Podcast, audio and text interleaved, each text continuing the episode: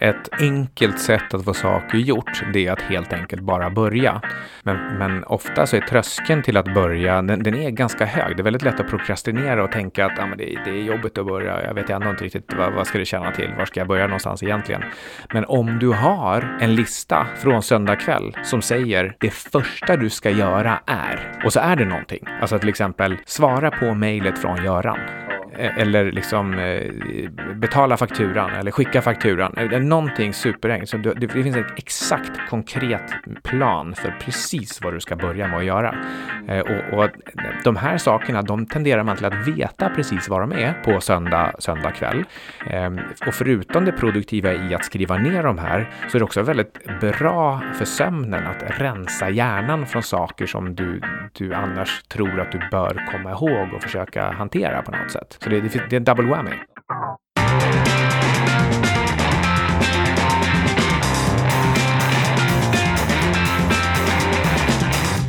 Hej och välkommen till ett nytt avsnitt av 25 minuter med Syding och Sundström. Idag så ska vi prata om många olika praktiska tips för personlig utveckling och eh, nästa avsnitt kanske blir lite personlig eller lite praktiska tips om karriär och affärer. Vi börjar med ett tips om eh, bokläsning. Det finns lite olika sätt att approchera det här på. Du jobbar ju mycket med bokläsningsböcker eller boksammanfattningsböcker. Kan du berätta lite mer hur du tänker där? Ja, jag har ju haft det där ja, och efter man är klar med en bok och skriva en summering fysiskt för hand. Det har jag gjort förut eh, och det, jag har faktiskt fyllt typ fyra eller fem tomma eh, anteckningsböcker med det. Så det, det, blir ganska mycket, det är ett par hundra böcker. Eh, men nu, har, nu sista typ 12 månaderna sånt där så har jag istället börjat skriva alla mina boksammanfattningar i min commonplace i Evernote. För att det är lättare att hitta dem när man väl, eh, ja när man kommer ihåg att man vill kolla upp det liksom. När det blir tillräckligt mycket, låt oss säga mer än 25 böcker, då är det svårt att hitta i, i fysiska anteckningsböcker. Ja, det är riktigt svårt faktiskt. Så nej, hade, jag, hade jag kunnat gjort om det så hade jag nog gjort allt i min commonplace. Men det är, det är en väldigt bra mental övning annars att sammanfatta för hand. Det, det funkar annorlunda för hjärnan. Man måste tänka till på ett annat sätt. Mm, det funkar faktiskt mycket bättre när man engagerar eh, penna och papper, alltså engagerar handen. Det är så multimodal inlärning. Ja. Det, det, kräver en helt annan typ av engagemang av hjärnan att, att få ner det där för hand på papper. Mm, men jag skriver ju jättemycket anteckningsböcker och sådär. Men en av grejerna här det är att eh, faktiskt ta, ta sig tiden ibland att gå igenom sina boksammanfattningar också.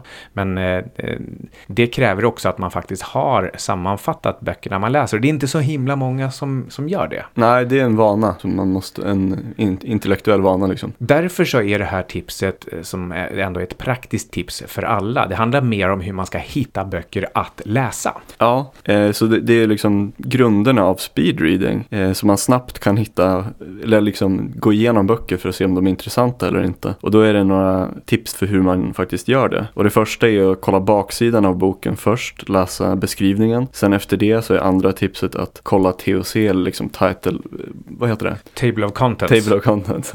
eh, ja men innehållsförteckningen. Eh, och, och skumma igenom den och se om det är något särskilt kapitel som verkar intressant. Och sen efter man gjort det då hoppar man till de här kapitlerna väldigt fort, max fem minuter och bara kollar igenom dem jättefort för att se om de är intressanta eller inte. Och eh, sen efter det, ja, då har man ju sett om boken är intressant eller inte. Och förhoppningsvis så är det en, om boken inte är intressant, då slutar man bara och tar en ny. När jag kollar nya böcker, då handlar det ofta om att jag eh, redan sitter med min Kindle och sen tar jag ett, eh, ett gratis läsprov. Och för mig så handlar det faktiskt oftast om huruvida jag känner att det är ett flyt i själva språket språket. Att, att, att jag eh, synkar med eh, författarens språkbehandling. Mm, okay. Ja, jag, jag, har en preferens för fysiska böcker. Då man kan, ja, det, jag är väl van vid att göra så här då. Så det, jag gillar det mer på fysiska böcker. Jag tycker inte om att läsa böcker i, jag har visserligen inte en Kindle, men det här Kindle Cloud Reader när man läser böcker i Amazon på datorn. Jag tycker inte alls om det lika mycket som en fysisk bok. Nej, alltså man ska inte läsa på datorn. Datorskärmar är är verkligen inte gjorda för att läsa på. Och, och det är faktiskt inte såna här olika Apple Pads heller.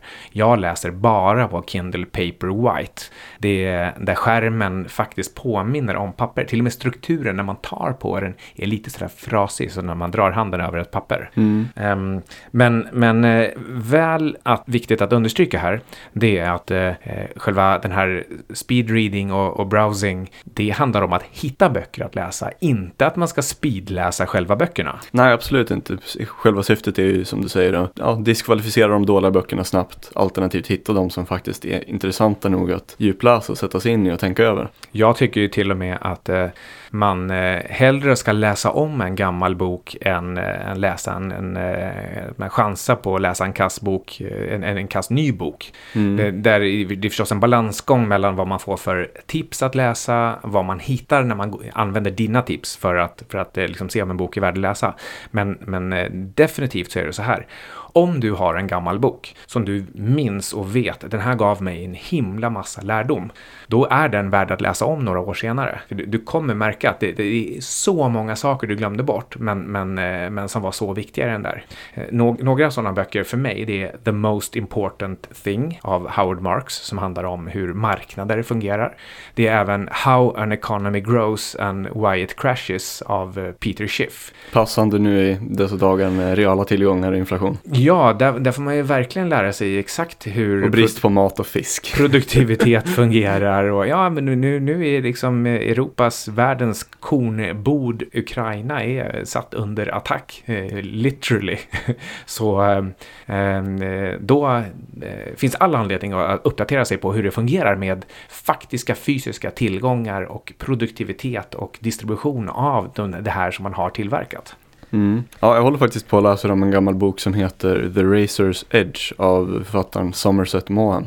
Det är fiction då, men det är en väldigt bra bok. Mm, man ska verkligen inte Bland underskatta fiction. Nej, det är en otroligt bra bok, både när det kommer till psykologi och eh, samhälle och historia. Och eh, den går faktiskt igenom den, den här intressanta eran under depressionen. Mm, det finns eh, några få böcker som är riktigt bra från den tiden. Till exempel eh, The Great Crash Mm, ja, av Gal. Gal, Galbraith. Ehm, eh, men, men det finns också en hel del dåliga böcker från, från den här tiden som inte riktigt tar upp vad som faktiskt hände. Mhm. Jag läser just nu The Matter with Things av Ian McGilchrist.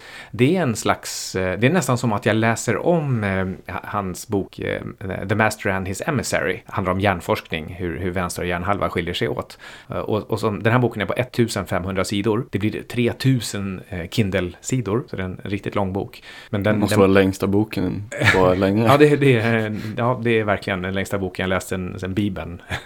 Och, eh, eh, men han kan liksom inte hålla sig från att ge en ordentlig uppdatering av eh, vad han egentligen skrev i The Master and His Emissary. Så jag, jag får ju hela uppdateringen, alltså hela omläsningen så att säga på köpet. Mm. Ehm, det, det, eh, jag hade inte tänkt läsa om Master and His Emissary på ett bra tag, men nu har jag ju nästan gjort det med, Mm. i och med den här. Ja, eh, från det här med bokläsningstips till lite mer hälsotips. Mm. En lite, ja, jag ska säga tragikomisk utveckling senaste veckan, det är att en ekonom, ekonomiprofessor som heter Teresa Ghilarducci, hon sa häromdagen att angående den höga inflationstakten i USA, på många andra platser också, så, så, så blir det svårt för låginkomsttagarna att få pengarna att räcka till. Och då sa hon så, eh, vad ska vi säga, o, osynkade kommentarer som att eh, ni kanske inte behöver lägga pengar på cancerbehandlingar åt, åt era husdjur. Eh, köp inte storpack. Va? Köp inte storpack. Det är det man ska göra. Men, men hon, hon menar nog att, för det kostar ju mer per pack. Eh, Ja, det är inte helt logiskt. Ja, det är mycket, mycket märkligt sagt. Eh, ta bussen. Och sen inte minst så sa hon pröva att äta linser istället för kött. Ja, eh, men, och, ja, men det här hände ju nu för några dagar sedan, eller vad det var. Ja. Men jag skrev ju det här innan dess, så det är egentligen helt orelaterat.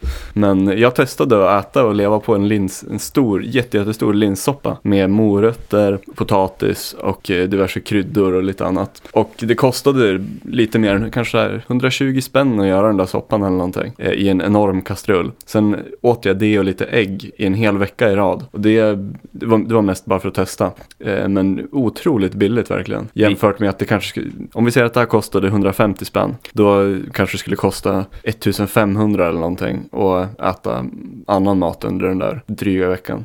Ja, en riktigt eh, dryg vecka skulle en del tycka. Ja, det, alltså det smakar ju sjukt enformigt.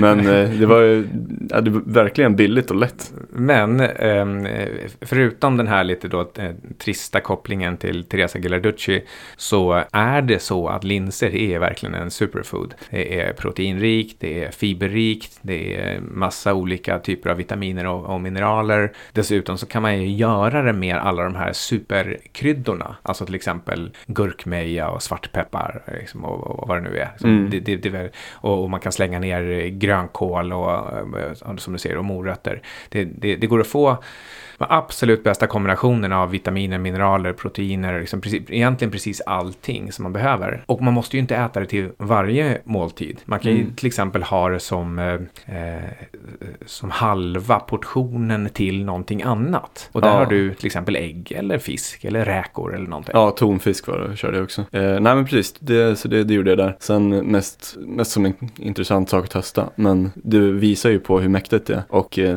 eh man borde ju faktiskt köpa om man nu är rädd för att få, ja, att det ska bli något domedagsscenario, då borde man ju faktiskt samla en massa linser. Alltså torra linser att ha hemma. Särskilt röda linser. Det, det, det, svårt att ha någonting så hållbart i den typen av bulk och den, den näringskoncentrationen. Det är svårt, svårt att ha någonting annat hemma. Nej, precis. Som man, man skulle ju kunna ha det och en massa annan, annan burkmat. Liksom. Skulle man säkert kunna leva ett år. Liksom. Jag eh, tror nu inte alls på domedagsscenariot. Men eh, å andra sidan, när det väl brinner till, då gör det ju det som för ukrainarna. De trodde inte heller det. Titta på eh, videorna från hur det egentligen såg ut i Ukraina innan eh, Putin började demolera städerna. Eh, det som pågår är någon slags folkmord och attack på civila. Eh, inte ett normalt jag ska ta över ditt territorium och dina liksom, tillgångar i krig. Utan det här, det här är någon slags hämndaktion eller terroraktion. Det, det är inte ett normalt krig. Mm. Och eh, det var inte, ingenting som de var förberedda på eller trodde skulle kunna hända. Det, det, är faktiskt inte konstigare att han, att han attackerar Ukraina än att han skulle attackera Estland i det här läget. Som är ju ett modernt västland, med, i alla fall i mina ögon. Mm. Eh, vidare här till nästa praktiska tips. Och det är på tal om det här med linser och äta det. Eh, så är det, eh, om man vill göra det väldigt enkelt för sig med diet och ändå vara hyfsat nyttig. Då ska man försöka äta ägg, spenat, citron eller lime och oregano på ungefär daglig nivå. Det är rätt enkelt att göra och bara komma ihåg det så behöver man inte variera vad man äter så mycket. Det finns några saker till som man också alltid kan ha hemma. Till exempel om du ändå har spenat hemma, då vinner på det här med bladgrönt, alltså leafy mm. greens mm. som det heter på engelska. Och där finns också grönkål som en sån riktig superprodukt. Eh, det finns också i den här hackade kubfrysta varianten som, som man kan ha i frysen. Det räcker ja, hur ja. länge som helst. Ja, jag brukar ha det och sån här stuvad spenat. Ja, så jag, så jag brukar bara slänga ner eh, hackad fryst spenat, hackad fryst grönkål i nästan vad jag än tillverkar. Eh, det kan vara allt från havregrynsgröt som jag har då frysta, frysta mörka bär, alltså typ björnbär och blåbär, men även hallon för att det är gott. Eh, och de här olika gröna produkterna. För de smakar inte särskilt mycket. Det, det ger en lite djupare smak, men det är, framförallt så är det sjukt nyttigt. Ja, nej men det, det är simpelt och det är ganska lätt att hålla sig till. Och det behöver inte så mycket, vad heter det? Man behöver inte förbereda så mycket. Det ger också två andra härliga effekter. Det ena är att det blir lättare att fasta, för man är inte så sugen på nästa måltid.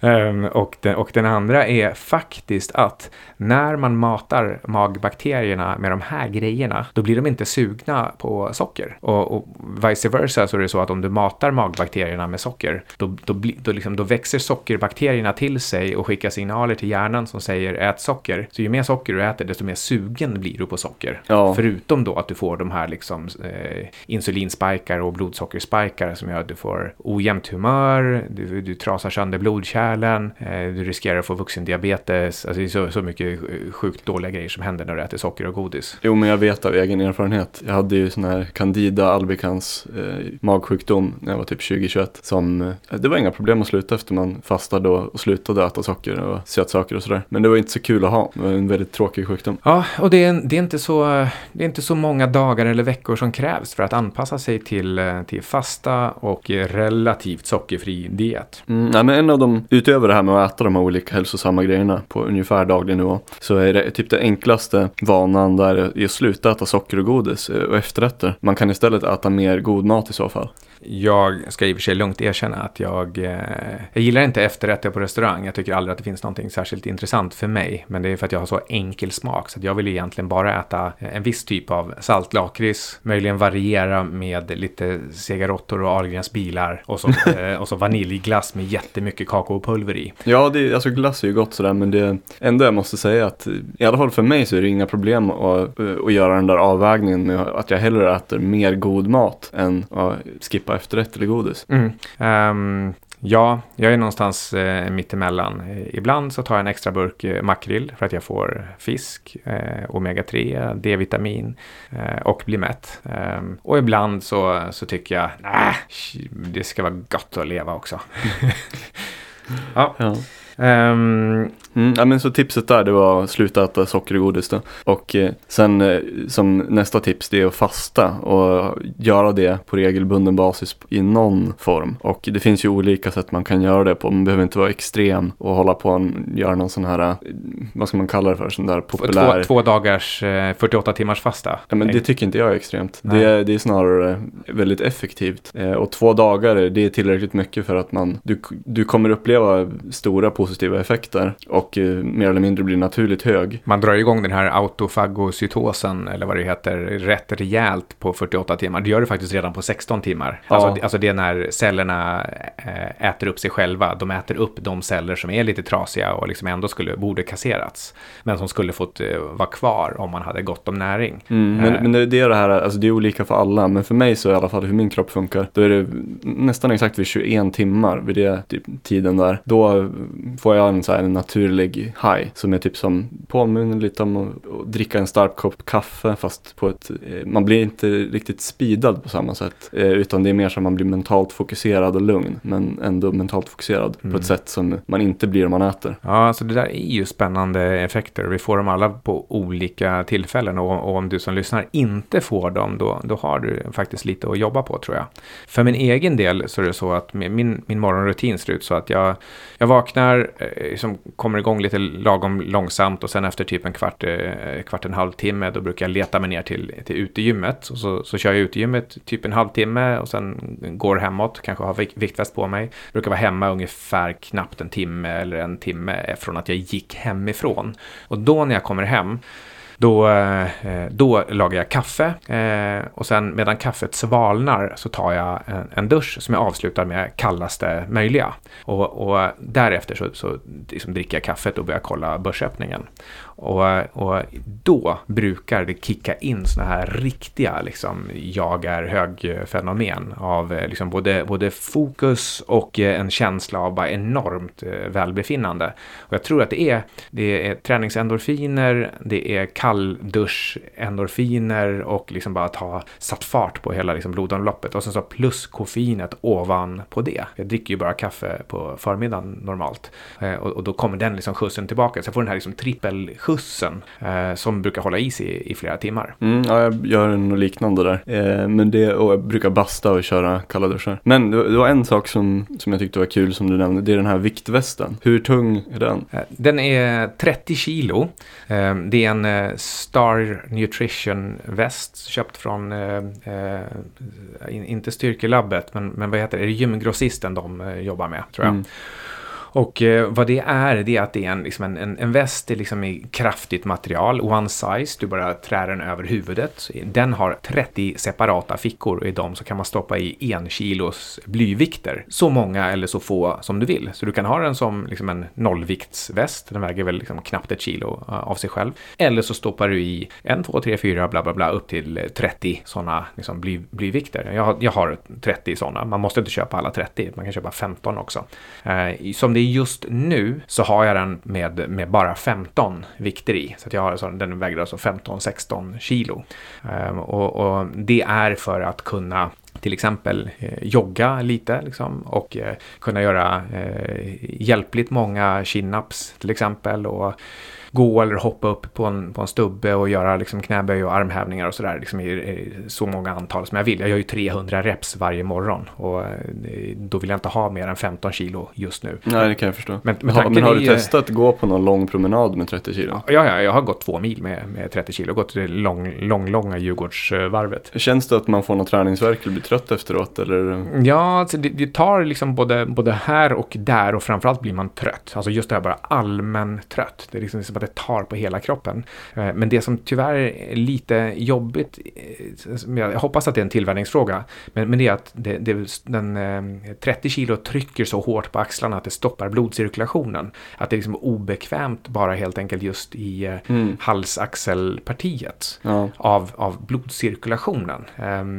men jag tror att, jag har inte alls det på 15 kilo, så jag tror att det kommer rätta till sig i takt med att jag stegvis ökar 16, 17, 18. Liksom, till slut så ska jag ha 30 kilo. Ja, men jag, jag tyckte det var kul. Jag testade ju din väst där, så gjorde jag benböj och förstörde mina byxor. ja, jag, jag, tror inte att det var västens fel.